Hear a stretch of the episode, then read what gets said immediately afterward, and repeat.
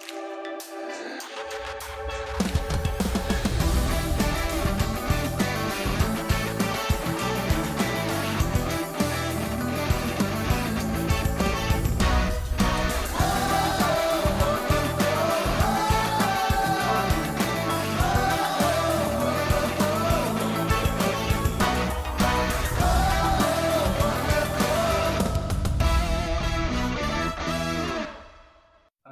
Teman-teman semua, kembali lagi bersama gue Aldi di podcast Lepas SMA.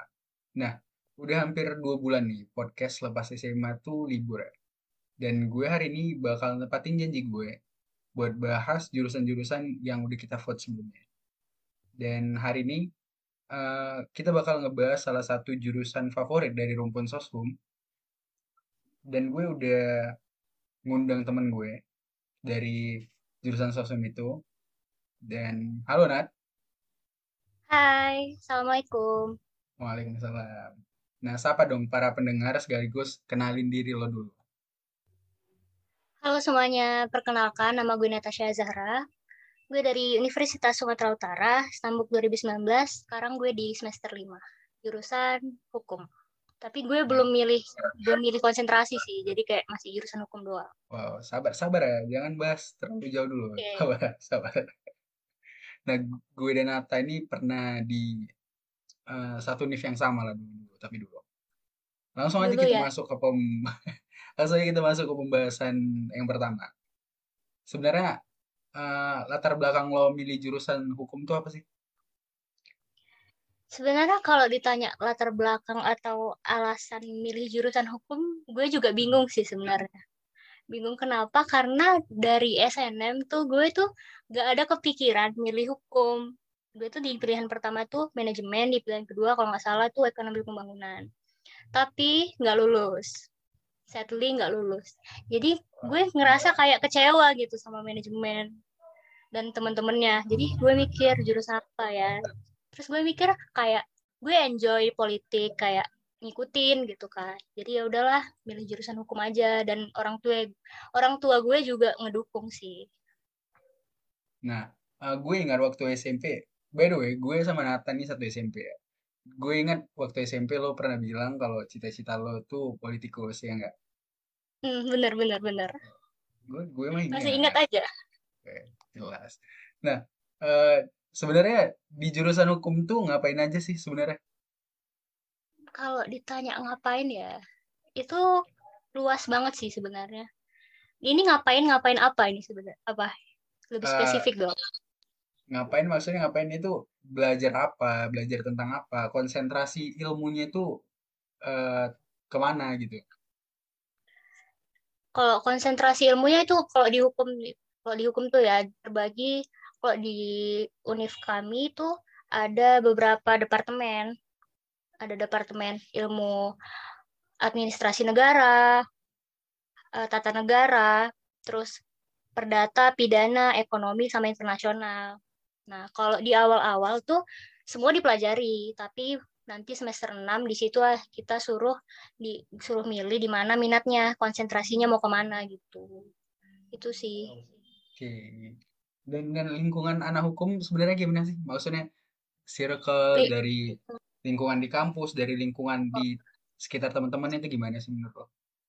Kalau circle ya pasti ada sih dan sebenarnya lebih gimana ya? Susah sih kalau nggak punya circle jujur aja. Kenapa? Kenapa? Kenapa kalau boleh tahu? Karena kayak ya circle yang nggak mesti deket banget tapi kayak lo mesti punya temen yang bisa ngabarin segala macem gitu ke lo gitu loh. Jadi kayak urusan-urusan tuh gampang, nggak sendiri gitu. Eh, naik naik apa nih? Naik tugas. Naik tugas ya? Ya kayak ngingetin tugas gitu. Kadang kan karena online jadi kayak susah gitu kan. Nanti ada tiba-tiba kelas. Iya itu butuh teman banget sih ngebangunin pagi-pagi kan bagi Hmm. orang-orang yang ketiduran gitu. Terus kan kalau dihukum kan sering kayak tugas kelompoknya itu lumayan banyak kan. Jadi kayak Mhm. ya biar gak lebih gampang aja gitu nggak nyari-nyari teman lagi. Oke. Dan lanjut lanjut ke pertanyaan berikutnya itu jadi anak hukum tuh suka dukanya apa sih? Yang enaknya jadi anak hukum sama nggak enaknya jadi anak, hukum itu apa sih? Suka dukanya ya. Kebanyakan dukanya sih kayaknya. Sih. Enggak, enggak, enggak. Kalau sukanya kita jadi lebih kritis sih sebenarnya. Setelah aku aku ngerasanya ya kita jadi lebih kritis. Kita jadi nggak gampang kemakan hoax atau berita-berita bohong gitu kan. Jadi kayak lebih kalau misalnya dapat informasi kita tuh eh, nggak langsung telan bulat-bulat gitu loh. Jadi kayak dipikir lagi dari berbagai perspektif gitu. Jadi Dan bermanfaat kan banget ya. eh, iya, mm, dan ilmu hukum itu kan kayak apa ya? Ngikutin perkembangan zaman gitu. Jadi kayak harus tahu informasi yang lagi up to date sekarang gitu. Jadi kayak lebih lebih up to date aja lah gitu. Oke, lebih up to date. Kalau Dan dukanya, ini nih. Oh ya, dukanya, dukanya dukanya dulu. belum, dukanya belum. Oh, Dukanya apa ya? Kayak masyarakat nganggap kita tuh tahu segalanya gitu kayak eh, dianggap tahu pasal-pasal semua, undang-undang segala macam. Karena itu kan banyak banget nggak mungkin dihafal kan. Itu itu salah satu apa ya? eh, kalau orang-orang tuh tahu anak hukum kayak, uh, hafal undang-undang nih. Nah, Gue gue ya pikir undang-undang setebel itu harus dihafal anak hukum. Nah, itu masih satu undang-undang. Undang-undang itu banyak kayak undang-undang tentang perkawinan, tentang agraria, pertanahan, segala macam. Nggak mungkin dihafal kan. Satu undang-undang itu bisa sampai ratusan pasal gitu. Oke, selain itu apa apa lagi dukanya? Kan tadi bilang Makanya, banyak banget dukanya. ya kayak apa ya, nganalisis kasus itu paling sering sih. Analisis putusan, buat resum, buat paper, itu sih yang kayak pusing gitu. Wow, kedengarannya sulit ya. Eh, Langsung ya aja, langsung aja. Eh, stigma anak hukum yang stylish itu berlaku nggak di kampus lo? Biasa setahu gue ini anak-anak hukum tuh kalau soal fashion tuh jago-jago. Itu berlaku Hmm. nggak sih di kampus lo? Kalau selama gue ini ya, sem- satu semester, satu tahun semester satu dan beberapa bulan di semester dua, karena setelah itu kan online kan. Oke. Gue lihat sih anak-anak hukum di kampus gue stylish dan Ya. eh, gimana ya, yang nggak stylish pun ya at least mereka rapi gitu. Gak ada yang urak-urakan gitu, nggak ada. Wah, nggak nggak kayak anak apa ya? Anak teknik ini. Kok nyebut merek ya? Nggak apa. Ini udah Gak icon apa-apa loh. ya, bebas ya. Nggak apa, nggak apa. Udah icon. Sama Dan yang eh, sama gitu. prospek kerja dari jurusan hukum tuh apa sih kalau boleh tahu? Kan Oh, udah semester kerja. semester 5 nih ya. Ah, iya. Itu kan Mm-mm. udah mulai-mulai tahu lah bakal ke mana gitu. Jadi prospeknya tuh kira-kira apa sih? Prospek kerja tuh kalau di hukum, di jurusan hukum tuh luas banget sebenarnya. Kan orang-orang tuh taunya kayak jaksa, Pengacara. hakim, pengacara, notaris itu doang kan yang Nah, yang masyarakat biasa tahu gitu. Sebenarnya luas kayak jadi legal konsultan, HRD di perusahaan gitu. Pasti butuh kan orang-orang. Bisa, bisa HRD. Anak hukum bisa jadi HRD. Nah, legal staff di perusahaan gitu. Legal konsultan. Jadi ini juga bisa kerja di kedutaan, Ah, keduta. Perusahaan Itu itu besar. kalau Oh, I see, I see. Oke. Ini ada lumayan banyak pertanyaan dari eh, teman-teman selepas SMA. Ada beberapa sih. Nah, kalau bisa dijawab silakan dijawab. Kalau enggak, ya cukup tahu lah. Oke. Ini ini pertanyaan eh, yang biasa ditanya semua orang sih. Di jurusan hukum tuh sebenarnya susah nggak sih? Susah. Eh, sebenarnya tergantung orangnya sih, kayak tergantung pribadi masing-masing. Ya, aku ngerasa susah-susah gampang sebenarnya. Susah, dibilang susah juga enggak, dibilang gampang juga enggak gitu loh. Tapi Ya kalau jalanin dari aja gitu. dari kata susah-susah gampang tuh susahnya ada dua ya. Berarti kebanyakan susahnya. Iya. Lebih karena bacaannya tuh banyak banget. Iya memang gue udah pernah bilang lo semua kan kalau di sosum tuh lebih banyak itu kayak penelitian, maksudnya penelitian kasus gitu kan, atau Hmm. lapor bikin laporan-laporan dari buku atau jurnal segala macam. Sedangkan di rumpun saintek itu kebanyakan dia laprak atau laporan praktikum atau praktek. Jadi ya gitulah plus minusnya jurusan saintek sama sosum. Iya. Ya, setiap jurusan kan ada ininya, keluhannya masing-masing kan. Nah ini ke pertanyaan kedua. Perlu ngehafalin semua undang-undang atau pasal nggak? Enggak. Dan nggak bakal bisa juga. Ada ada nggak sih anak ada nggak sih anak hukum atau teman lo yang memang hafal undang-undang atau pasal? kalau ini undang-undang sih mungkin banyak ya kalau undang-undang karena kan cuma 33 pasal tuh kalau undang-undang. Ya kalau kalau undang-undang dasar tuh kan cuma 33 Oh, pasal. Iya, undang-undang dasar. Kalau Itu UU seriusan, kayak seriusan ada yang hafal undang-undang dasar? ya kan dikit sih Pak. Ya ya ya pasal satunya doang sih rata-rata eh, ayat Oh. satunya. Nah, lanjut ke pertanyaan berikutnya. Matkul terseru dan terbosenin versi lo di jurusan hukum apa sih? Kalau versi gue selama di lima semester ini yang seru itu lebih ke hukum acara. Karena kita lebih ke apa ya belum prakteknya sih. Tapi kayak ngelihat gimana tata caranya gitu. Kalau misalnya hukum acara pidana tuh kan. Hmm, jadi misal- misalnya mulai dari penangkapan penahanan oke. penyidikan penyelidikan semua itu kayak dipelajari gitu. Jadi kayak seru aja Itu langsung ke lapangan nggak? Enggak. enggak belum. Kalau di Oh, semester ini kan masih hukum acaranya aja. Nah di semester depan itu klinisnya. Nah di oh, sanalah kita anjing. berpraktek mulai dari ya di situ lah banyak sidang-sidang gitu. Hmm, sidang-sidang ecek-ecek gitu loh. Cek, cek itu pura-pura ya. ya iya. Sidang bohongan. Nah, eh, kalau yang terbosenin apa coba? terbosenin. Terbosenin apa ya kalau terbosenin aku tergantung ini enggak sih dosennya sebenarnya kalau aku kok kemarin tuh Enggak, bukan, hukum agama bukan, bukan terbosenin sih, lebih Oh, ke susah lah, susah, ke susah. susah ya lebih ke susah Iya. hukum agraria kem- kemarin tuh aku sulit paham sih sulit paham juga Hukum hukum itu agraria itu jenis hukum macam apa? hukum agraria itu tentang pertahan pertanahan Oh, eh apa ya? Warisan ya, warisan tanah ya. Hmm, kayak eh, belum nggak nggak warisan bukan warisan sih warisan lebih ke perdata. Kalau itu kayak Oh, tentang batas-batas tanah sengketa lahan gitu. Oh ini ini yang ada hitung-hitungannya enggak? Enggak ya? nggak nggak. Nah Oh, yang bukan. tersusah baru kemarin dipelajarin sih baru ngerasain aduh gitu jumpa matematika gitu. Nah, hukum apa waris. hukum waris Islam. Susah-susah. Ada hukum waris, terus ada hukum iya waris Islam. dan hukum waris adat juga bakal ada. Wah, hukum adat, hukum adat. hukum inner jokes inner jokes. Di jurusan hukum nerima lintas jurusan gak sih? Ada nggak sih teman lo yang uh, berkhianat? Dari jurusan SMA tuh IPA, terus banyak. pas kuliah tuh anak hukum jadinya.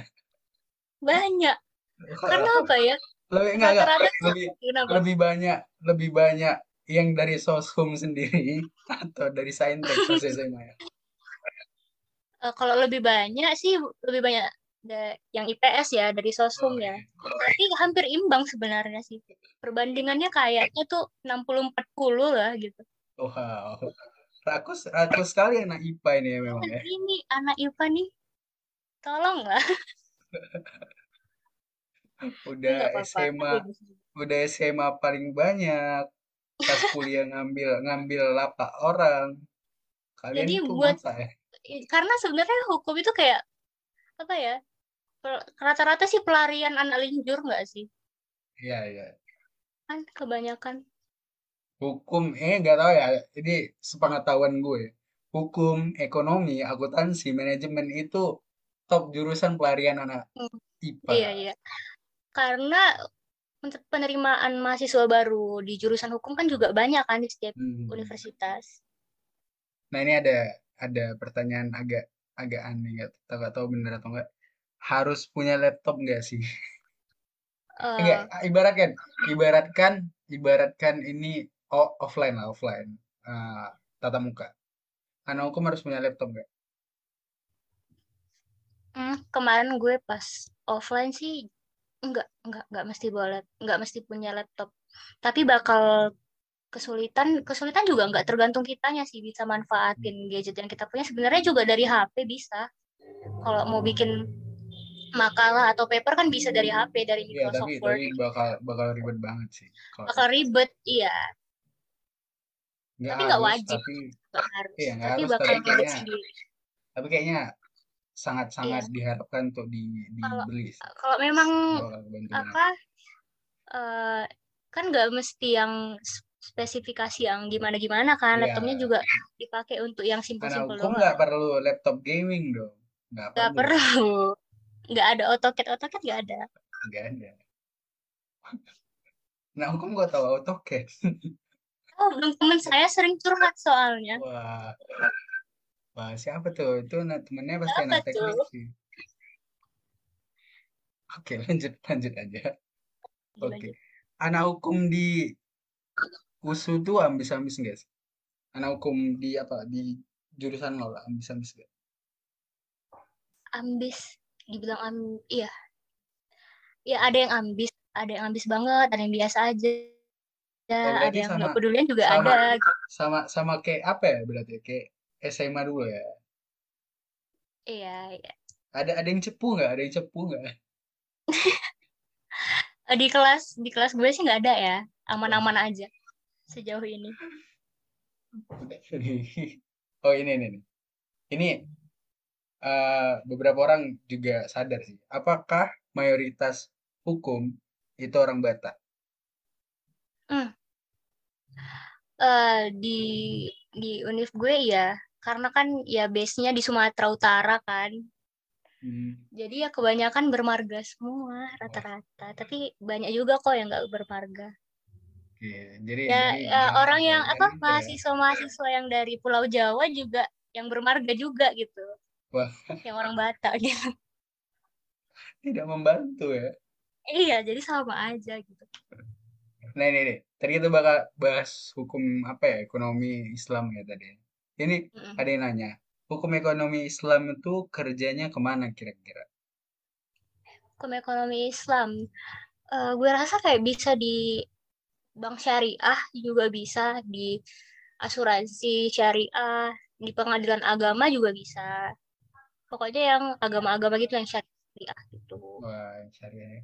Ya, jadi yang yang ngambil fokusnya ke hukum ekonomi Islam itu masuknya ke syariah-syariah. Oh ya, lo kan masuk lewat lewat jalur SBMPTN nih. Kira-kira Iya. persiapan lo sebelum UTBK tuh gimana? sih? fun fact ya sebenarnya tujuan Boleh. utama gue itu ini stan Wow. Terus Hmm, terus. stan. terus ya gue belajarnya ya untuk stan gitu kan belajar TPA, TBI, TWK, SKD segala macam itulah gue udah lupa jadi ya belajarnya dari situ. Terus gue juga ikut tryout tryout online gitu kan. Karena Hmm, yang dipelajarin di untuk masuk testan juga kurang lebih sama sebenarnya sama yang di UTBK jadi ya dari situ sih apanya persiapannya. Berarti berarti eh, ini dia apa ya? Bukan pilihan utama ya? sebenarnya Agak sedih ya, agak sedih. Tapi Ya, apa-apa. heeh. Nah, gue alhamdulillah ada, gue ada quotes nih. Gue ada quotes kemarin soal pilihan. Karena bakal ada saatnya lo udah nggak punya pilihan dan berkata ya udah nggak apa-apa. Karena kita pasti bakal ngalamin suatu kondisi yang mana kita harus belajar ikhlas. ya mungkin udah jalannya di sini gitu Ya, bener bener bener. Oke, eh, lanjut ke bukan pertanyaan sih. Tips dari lo buat para pejuang UTBK yang bakal eh, niatnya, yang niatnya ngambil hukum apa coba?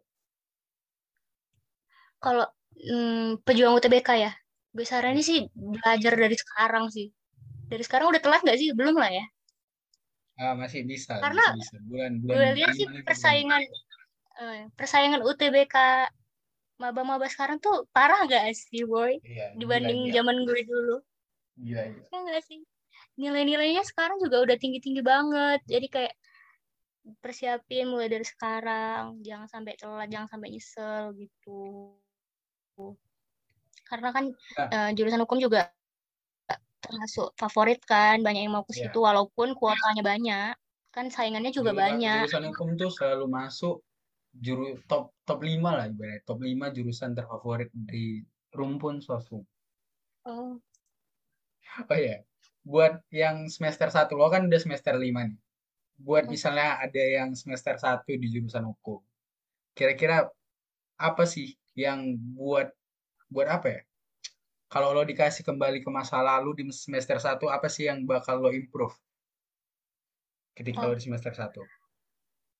Perkuat dasar-dasar ini dasar-dasar hukum gitu loh. Kayak kan di semester satu di semester satu itu banyak materi pengantar kayak pengantar ilmu hukum pengantar hukum Indonesia gitu. Kayak Hmm. sosiologi hukum di situ sih diperkuat. Di bahasa Belanda juga harus diperkuat karena di jurusan hukum kan karena hukum Indonesia mengadaptasi dari hukum Belanda jadi banyak banyak banyak banget istilah Belanda.